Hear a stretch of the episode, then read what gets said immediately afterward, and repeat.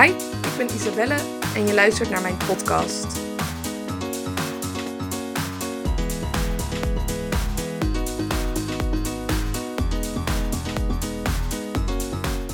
Zo, ik ren net bij een cafeetje vandaan. Ik zit volgens mij in Duitsland. Ik ben eh, van Nederland naar Duitsland aan het rijden, maar je stuurde me ook door België. En de tv hier was weer Frans, dus ik weet eigenlijk niet zo goed waar ik ben. Ik uh, moet even de TomTom -tom volgen. Maar ik wilde even tussendoor een, uh, ja, een podcast opnemen. Ik heb net in de auto ook podcast geluisterd. Mega inspirerend. En uh, zelf ook weer inspiratie gekregen. Ook um, door hoe het nu met mij gaat. Ik heb een week terug een coachingsgesprek gehad. Ondertussen hoor je de -tom ook even. Een coachingsgesprek gehad met Janne. En Janne is mijn mindset coach. En die helpt mij ook om mijn blinde vlekken te ontdekken en om mij scherp te houden. Uh, maar vooral ook om af en toe bij mij even uh, een versnellingje lager te laten schakelen. Um, en dat was ook zeker wel nodig, want we hadden het gesprek erover van hoe gaat het nou echt met je en wat wil je nou? Waarom ben je zo aan het knallen met je bedrijf en uh, waarom doe je wat je doet? En ik vind het fantastisch om te werken en ik vind het fantastisch om een heleboel mensen te helpen. Uh, maar ik merkte bij mezelf ook ergens dat ik het heel lastig vond om niks te doen. Want op het moment dat ik niks zou doen, dan kwamen er allemaal gedachten naar boven en gevoelens. En dat waren allemaal dingen die ik niet wilde voelen. Um, dus dat uh, mijn coach ook aangaf van Isabel, je kan in dit tempo doorgaan. Misschien hou je het een maand vol, misschien twee maanden, misschien drie. Maar op een gegeven moment gaat het gewoon terugslaan. Ik heb een heleboel meegemaakt. Uh, mijn moeder is overleden. Mijn relatie is inmiddels beëindigd voor de tweede keer. Um, uh, ik dreig mijn huis uitgezet te worden. Dus het is allemaal niet niks. En uh, ja, het zou ook bijna gek zijn als je daar dan overheen zou kunnen walsen. Dus het gaat gewoon komen. En jij kan kiezen of jij um, dat wil gaan ervaren. En dan kan je het gereguleerd gaan ervaren. Of dat je het gaat uitstellen en op een gegeven moment uh, kiest het het moment uit waarop het komt.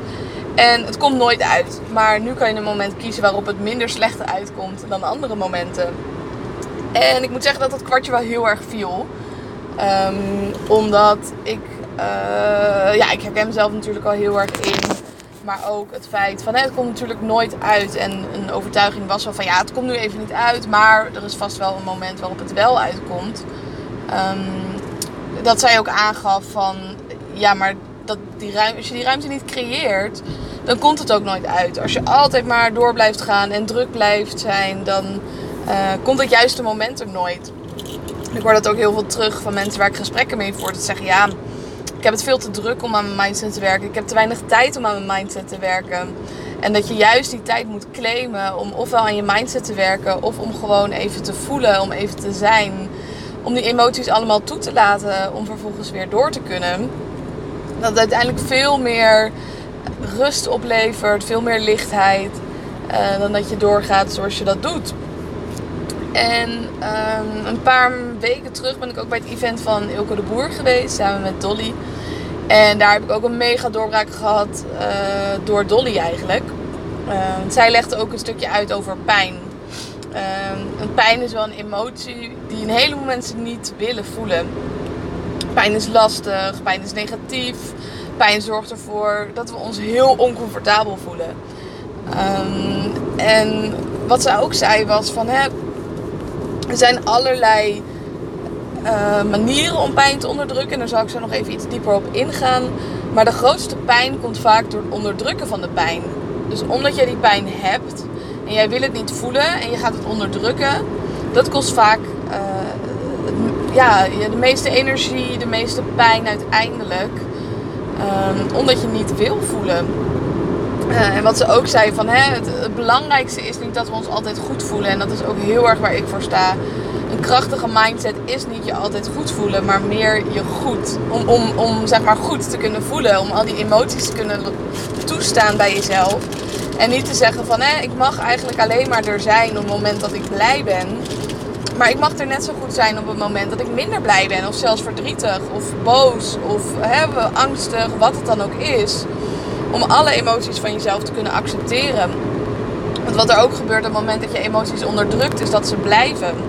vaak als je verdrietig bent en je probeert die tranen weg te slikken, soms gebeurt het alsnog. Uh, of het komt er inderdaad op een ander moment uit. En juist door het even te uiten, dat je er ook weer overheen kan zetten als het ware. Dat het gewoon eruit is. Letterlijk, hè? die tranen die rollen over je wangen en dan is het er ook uit. En dan kan je weer door. Zoals je blijft vechten, dan blijft er altijd een brok in je keel zitten of een knoop in je maag of hoe je ook de emoties voelt. En er zijn verschillende manieren om pijn te onderdrukken. Um, en een van de manieren die ik heel erg bij mezelf herkende was um, doorgaan. Keihard doorgaan. Dus um, je, je gaat gewoon werken of afspreken met vrienden of uh, een nieuwe hobby zoeken of wat je ook doet. Je wil in ieder geval niet even alleen zijn met jezelf en even alleen zijn met je gedachten. Dan ben je echt die pijn niet eens aan het onderdrukken, maar aan het vermijden om te voelen. Dus dat is een manier. En dat is volgens mij wel de manier waarop de meeste mensen met pijn omgaan. En door zo hard door te gaan, um, komt er een punt waarop je niet meer kan doorgaan of waarop je er ook geen plezier meer aan beleeft. Um, en door het toe te gaan staan ben je dat moment eigenlijk voor. Een andere manier is, wat je bij heel veel mensen ziet, uh, is de ontkenning. Van nee hoor, gaat, gaat fantastisch met me. Niks aan de hand. Nee. Uh, nee, vind ik helemaal niet lastig hoor. Dat, dat mijn relatie is beëindigd. Of dat um, iemand een lelijke opmerking heeft gemaakt. Of ik ontslagen ben. Uh, ja, maakt me niet uit. Nou, dat, um, dat zien een heleboel mensen doen. En ik geloof dat het voor een klein deel van de mensen misschien wel zo is. En voor het grootste gedeelte is het gewoon bullshit. En als ik iemand zoiets hoor zeggen, dan gaat mijn bullshit radar ook af. Dan denk ik van, ja, wat, wat ben je nou aan het zeggen? Het, dan moet je geen gevoel hebben. En dat geloof ik niet. Dus je vindt het wel lastig, maar je durft gewoon niet toe te geven dat je het lastig vindt. En door het zo te onderdrukken, gaat die pijn alleen maar groeien. En wat je ook heel veel ziet bij mensen, is dat ze het omzetten in een andere emotie. Kijk, verdriet vinden heel veel mensen lastig, omdat het een hele kwetsbare emotie is.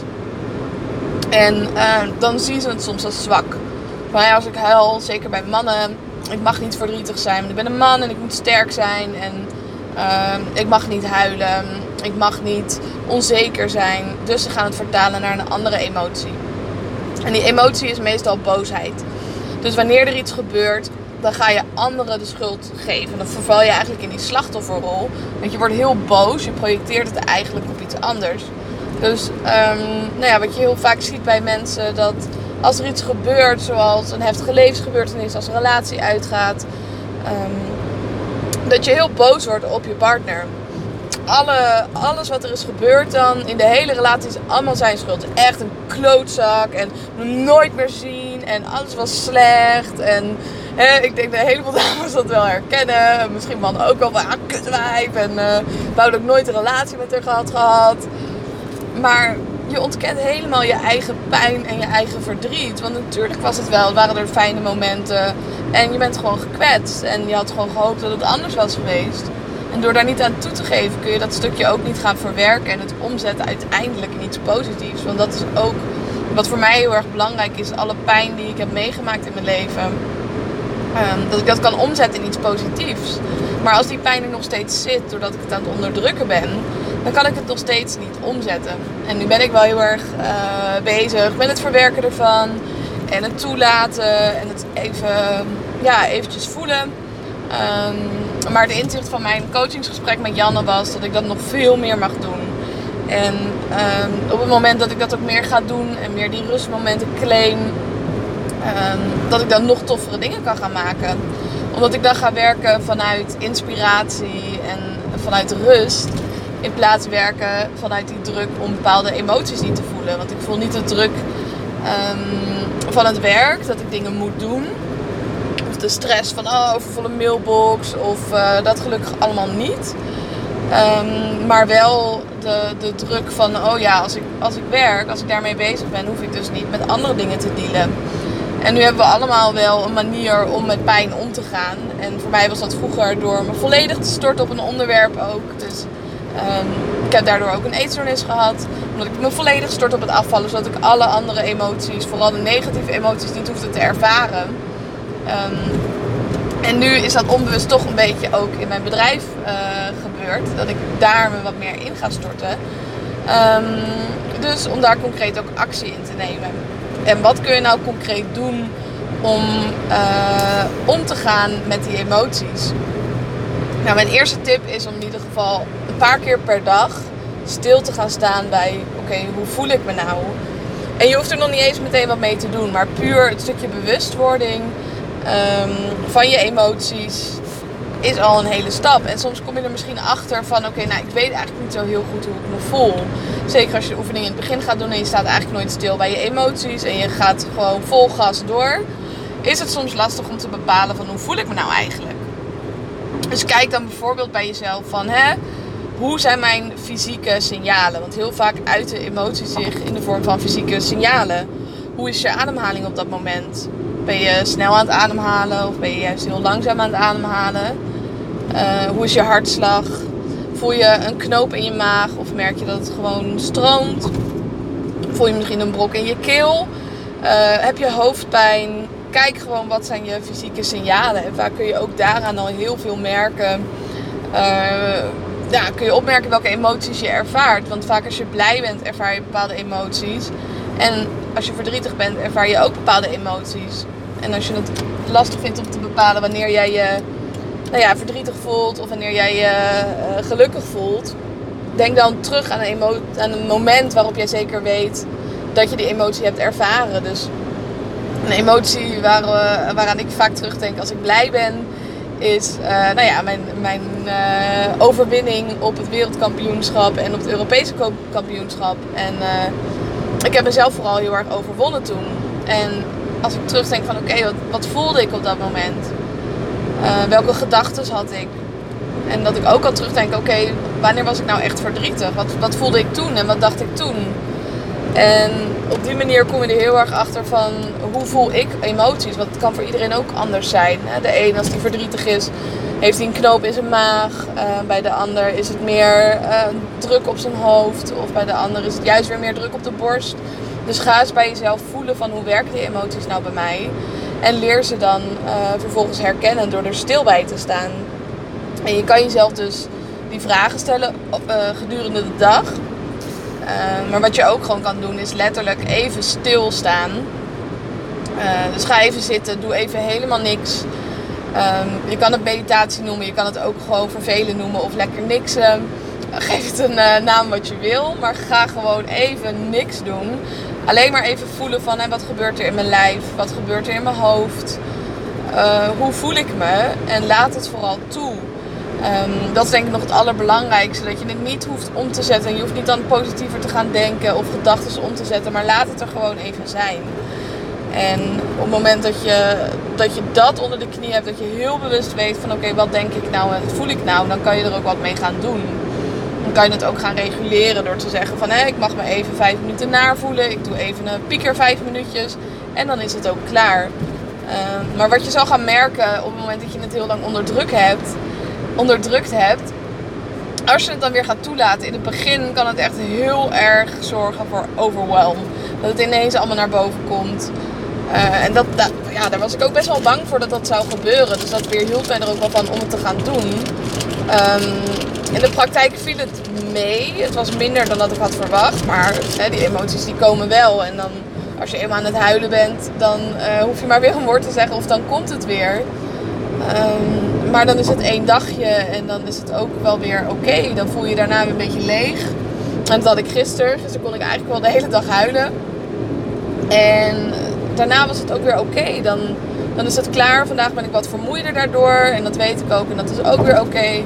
En ik weet dat als ik morgen weer opsta, dat het dan weer beter gaat.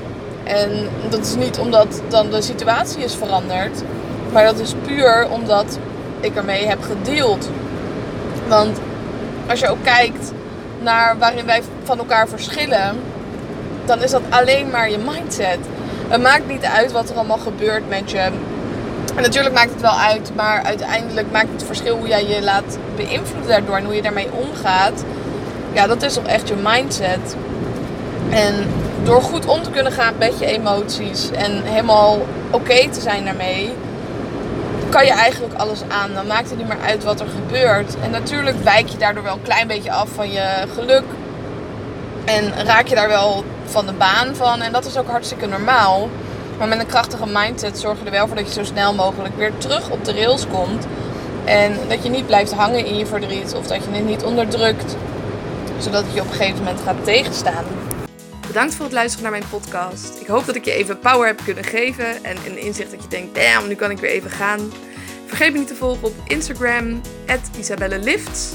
Of mijn site even te bezoeken, isabelleveteris.com.